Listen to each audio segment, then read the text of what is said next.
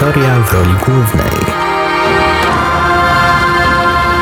Witajcie moi drodzy w kolejnym odcinku historii w roli głównej. Kontynuujemy tematykę związaną z seksualnością ludzi okresu średniowiecza. W poprzednim odcinku zarysowałam wam, jak sprawy łóżkowe regulował Kościół, co robiono, aby nie zajść w ciążę. Obaliliśmy parę mitów związanych z pasem cnoty czy typową wstrzemięźliwością zwykłych mieszkańców miast i wsi okresu średniowiecza. Dzisiaj będziemy dalej zagłębiać ten jakże ciekawy temat. Poruszymy kwestię dziewictwa, dworskiej miłości, czyli co to tak naprawdę było, oraz poznamy znów porady wprost od Hildegardy i Trotuli, które bardzo chętnie dzieliły się swoją wiedzą, choć nadal nie znalazłam odpowiedzi, skąd ją czerpały.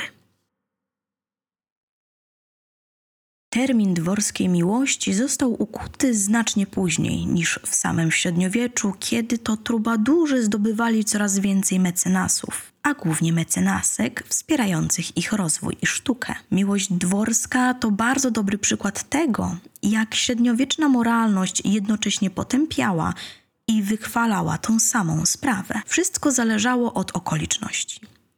Romansowanie było traktowane jako najwyższa forma romantyzmu, ale już cudzołóstwo, które łączyło się z romansem, było uznawane za grzech ciężki. Pomimo tego, w balladach i opowieściach zawsze miało miejsce. Dworska miłość zawsze charakteryzowała się tym samym.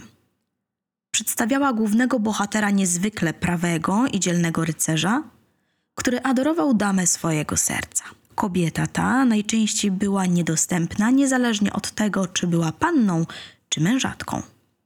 Główny bohater przeżywał istne katusze, nie mogąc być ze swoją wybranką. Oczywiście nie mógł się poddać, tylko musiał zabiegać o jej względy, śląc najróżniejsze podarunki, aż ta w końcu uległa dzielnemu rycerzowi. Znamy takich historii wiele. Tristan i Izolda albo Lancelot i Ginevra. A pieśni takich było znacznie więcej. Kobieta stawała się przedmiotem uwielbienia. Chwalono ją za piękny wygląd oraz dobroć serca i łagodność charakteru.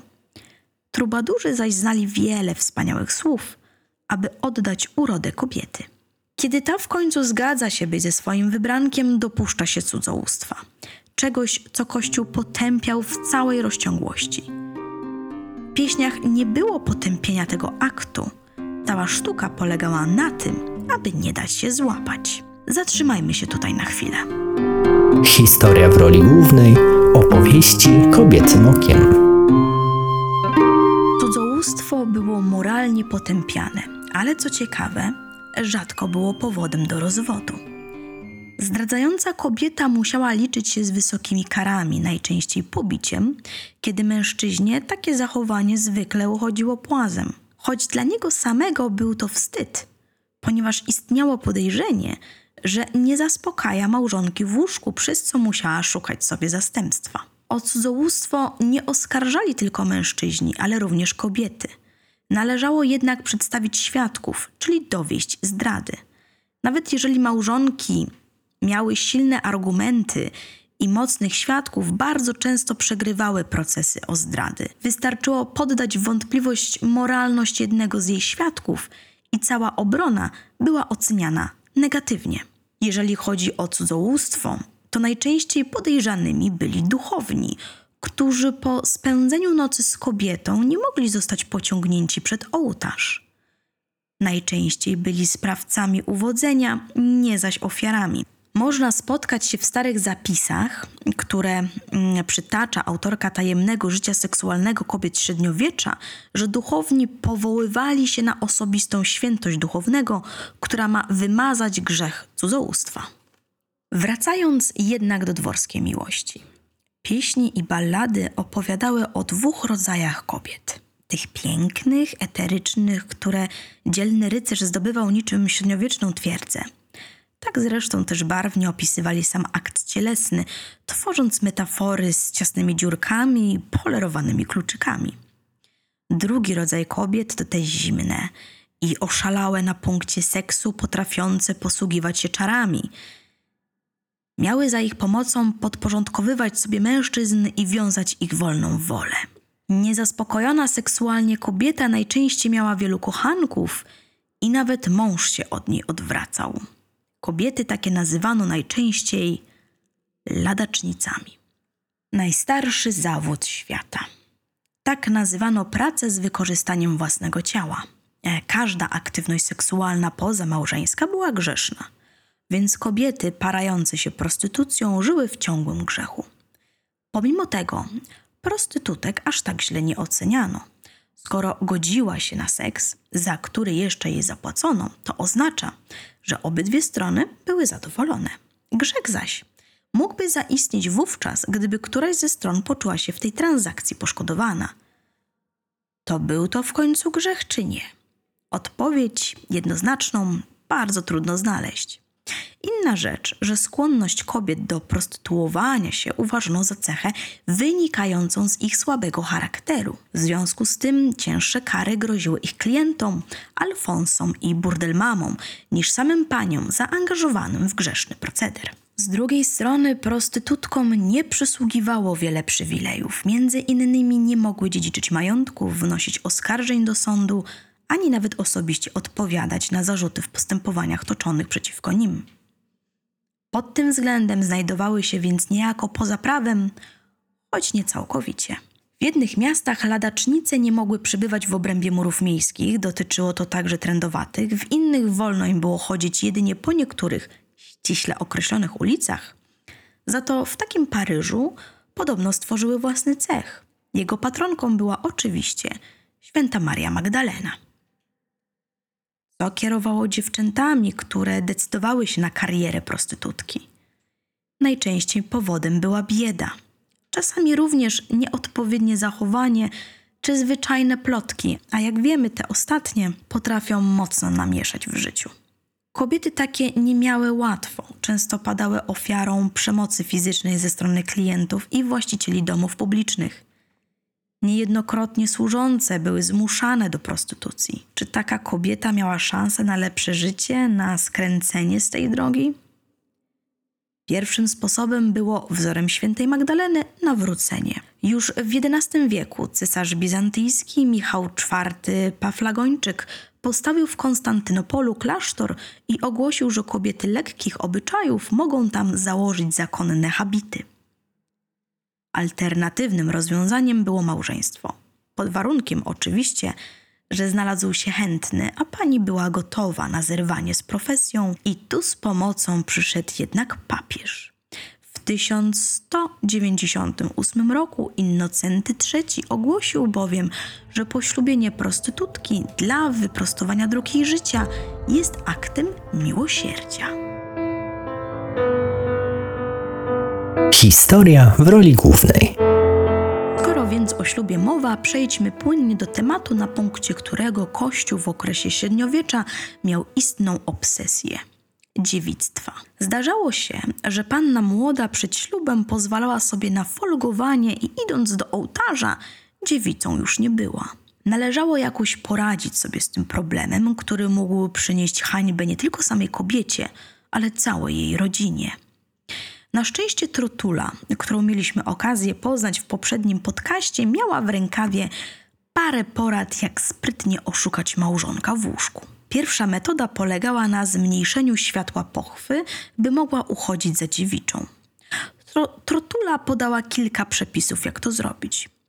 Podobnie jak w przypadku innych specyfików, należało porządnie się przygotować. W mieszaninie białek jajka z gorącą wodą, w której wcześniej ugotowano miętę, kobieta miała namoczyć szmatkę, a następnie wprowadzić ją do pochwy. Należało zmieniać ją dwa do trzech razy dziennie. Trotula podawała jeszcze parę innych przepisów na zwężenie pochwy, w których zalecała wykorzystanie ziół. Niestety nie precyzowała dokładnie jakich ziół i jakich elementów ich wykorzystać. Liście, korzenie, owoce. Domyśl się sama kobieto i licz na to, że wkładając sobie rośliny nieznanego pochodzenia do pochwy, nie napytasz sobie biedy. Powiedzmy jednak, że kobieta boi się użyć ziół, których nie zna to może jakoś oszukać krwawienie i w sprytny sposób zabrudzić pościel? Trotula znów przybywa z kolejnym rozwiązaniem. Miały to zapewnić pijawki umieszczone w noc przed ślubem za wargami sromowymi. Trotula zaznaczyła przy tym, że nie należy takich pijawek wypuszczać za daleko, chociaż nie wiem, jak właściwie to zrobić. Takie pijawki miały pozostawiać po sobie krwawy skrzep. Jeszcze bardziej niepokojąca była sugestia, żeby sprowokować krwawienie przez użycie pomady z mielonego szkła i barwnika. Należało zaaplikować ją do pochwy przed stosunkiem. Coś mi mówi, że barwnik był w tej sytuacji całkiem niepotrzebny, jako że sama obecność szklanych drobin mogła wywołać zupełnie naturalne krwawienie. I jeśli coś było wówczas naprawdę pożądane, to jakiś sposób na zatrzymanie tego krwawienia, nie wspominając już o bonusie pod tytułem Krwawiące prącie. Trotula wspominała, że tę ostatnią metodę stosowały prostytutki, które chciały sprawić wrażenie dziewic. Ale bez dwóch zdań pomysł nie należał do tych rozważnych. Były też mniej drastyczne metody, jak szmatka z krwią zwierzęcia sprytnie podłożona pod pościelą, aby w odpowiednim momencie ją zabarwić, a czasami wystarczała brutalność męża. Jedno jest pewne: kobiety miały swoje sposoby, aby przekonać nie tylko męża, ale całe otoczenie, że są nietknięte. Jakby błona między nogami miała świadczyć o ich osobie. Ale tak wtedy uważano i gdy poślubiano pannę, oczekiwano, że będzie nieskazitelną dziewicą.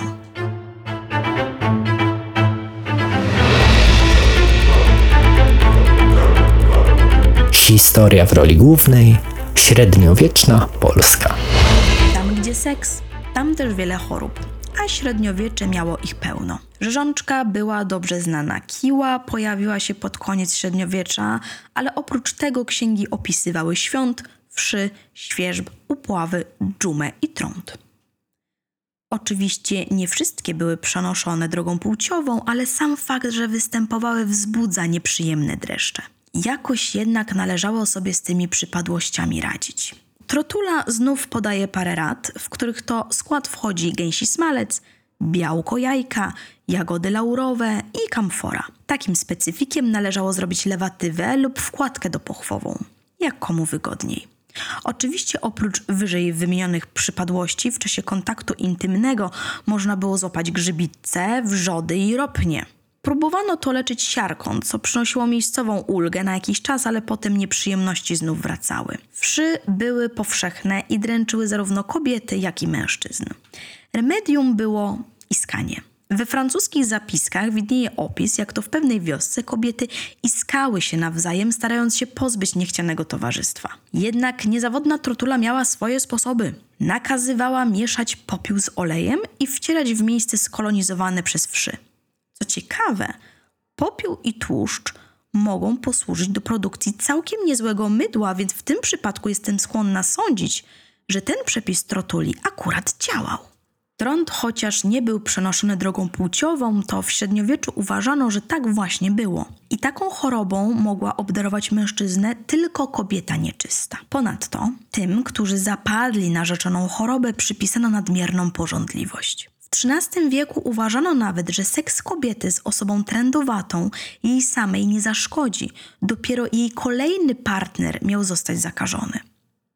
Kobieta w końcu była istotą zimną i chłodną, więc tym samym emisje trendowatego pozostawały w jej wnętrzu i zamieniały się w toksyny. Dopiero kolejny mężczyzna w trakcie stosunku obrywał rzeczonymi toksynami i zaczynał chorować. Motyw seksu z trendowatymi pojawia się w literaturze, bo przecież to sama Izolda po odkryciu, że była niewierna, ma zostać ukarana za cudzołóstwo. Mąż chce oddać ją do kolonii trendowatych, aby tam się prostytuowała. Miała być to kara gorsza od śmierci.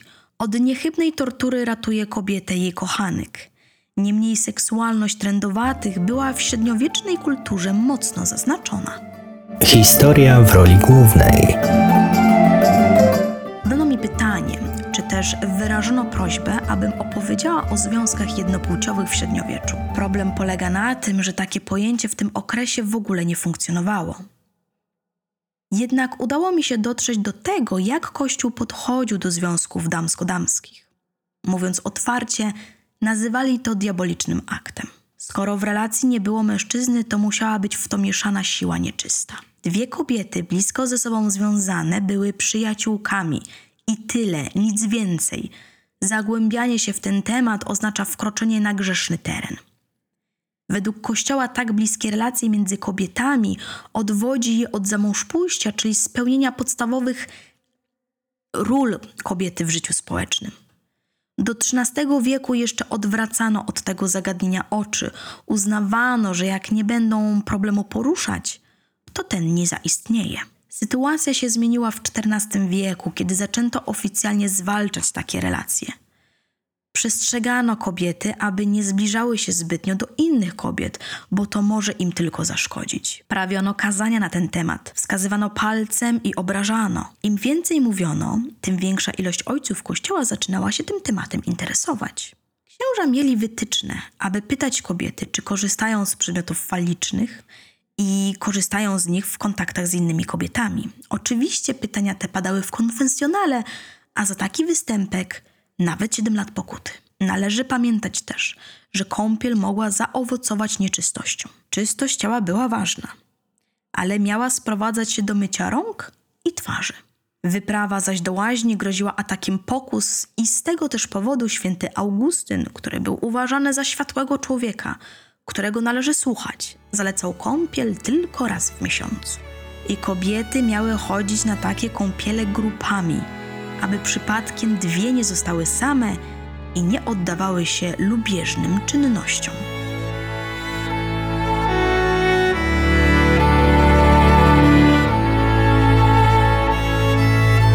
Historia w roli głównej odkrywamy zapomniane opowieści. Dla ludzi XXI wieku zachowania średniowiecznych pokoleń mogą się wydawać dziwne i nierealistyczne. Należy pamiętać, że religia oraz Kościół miały silny wpływ na życie kobiet i jeśli urodziła się w XIII lub XIV wieku, stawiała na pierwszym miejscu swoją pozycję społeczną i dobre imię. W dzisiejszych czasach kobieta ma wiele możliwości i współczesność daje jej wybór. W średniowieczu układ rozrodczy czynił z niej zwierzę w klatce oczekiwań społecznych. Musiały radzić sobie w inny sposób. Stąd też wzięły się śluby czystości w związkach małżeńskich, aby móc zająć się czymś innym. Uciekały w życie klasztorne, by mieć pewność, że pomimo ciężkiej pracy nie ryzykują śmierci przy kolejnym porodzie. Niestety gwałtu uniknąć w stu procentach już nigdy nie mogły. Radziły sobie jak potrafiły i na ile pozwalał im ówczesny świat. To my mamy przywilej oceniania historii z naszego miękkiego fotela czy kanapy. Warto jednak zastanowić się nad tym, jak ten świat się kształtował i co go tworzyło, a dokładniej kto i jakimi doktrynami.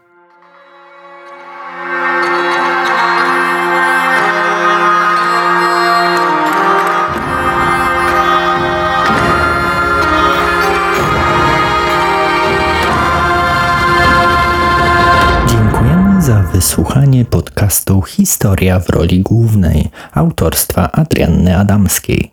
Czytali Adrianna Adamska i Rafał Matraszek. Realizacja akustyczna tylko Mefi. Tekst Adrianna Adamska. Korekta Anna Rymaszewska. Nagrania Adrianna Adamska, Rafał Matraszek. Montaż i obróbka Rafał Matraszek. Zapraszamy do pozostawienia swojego komentarza.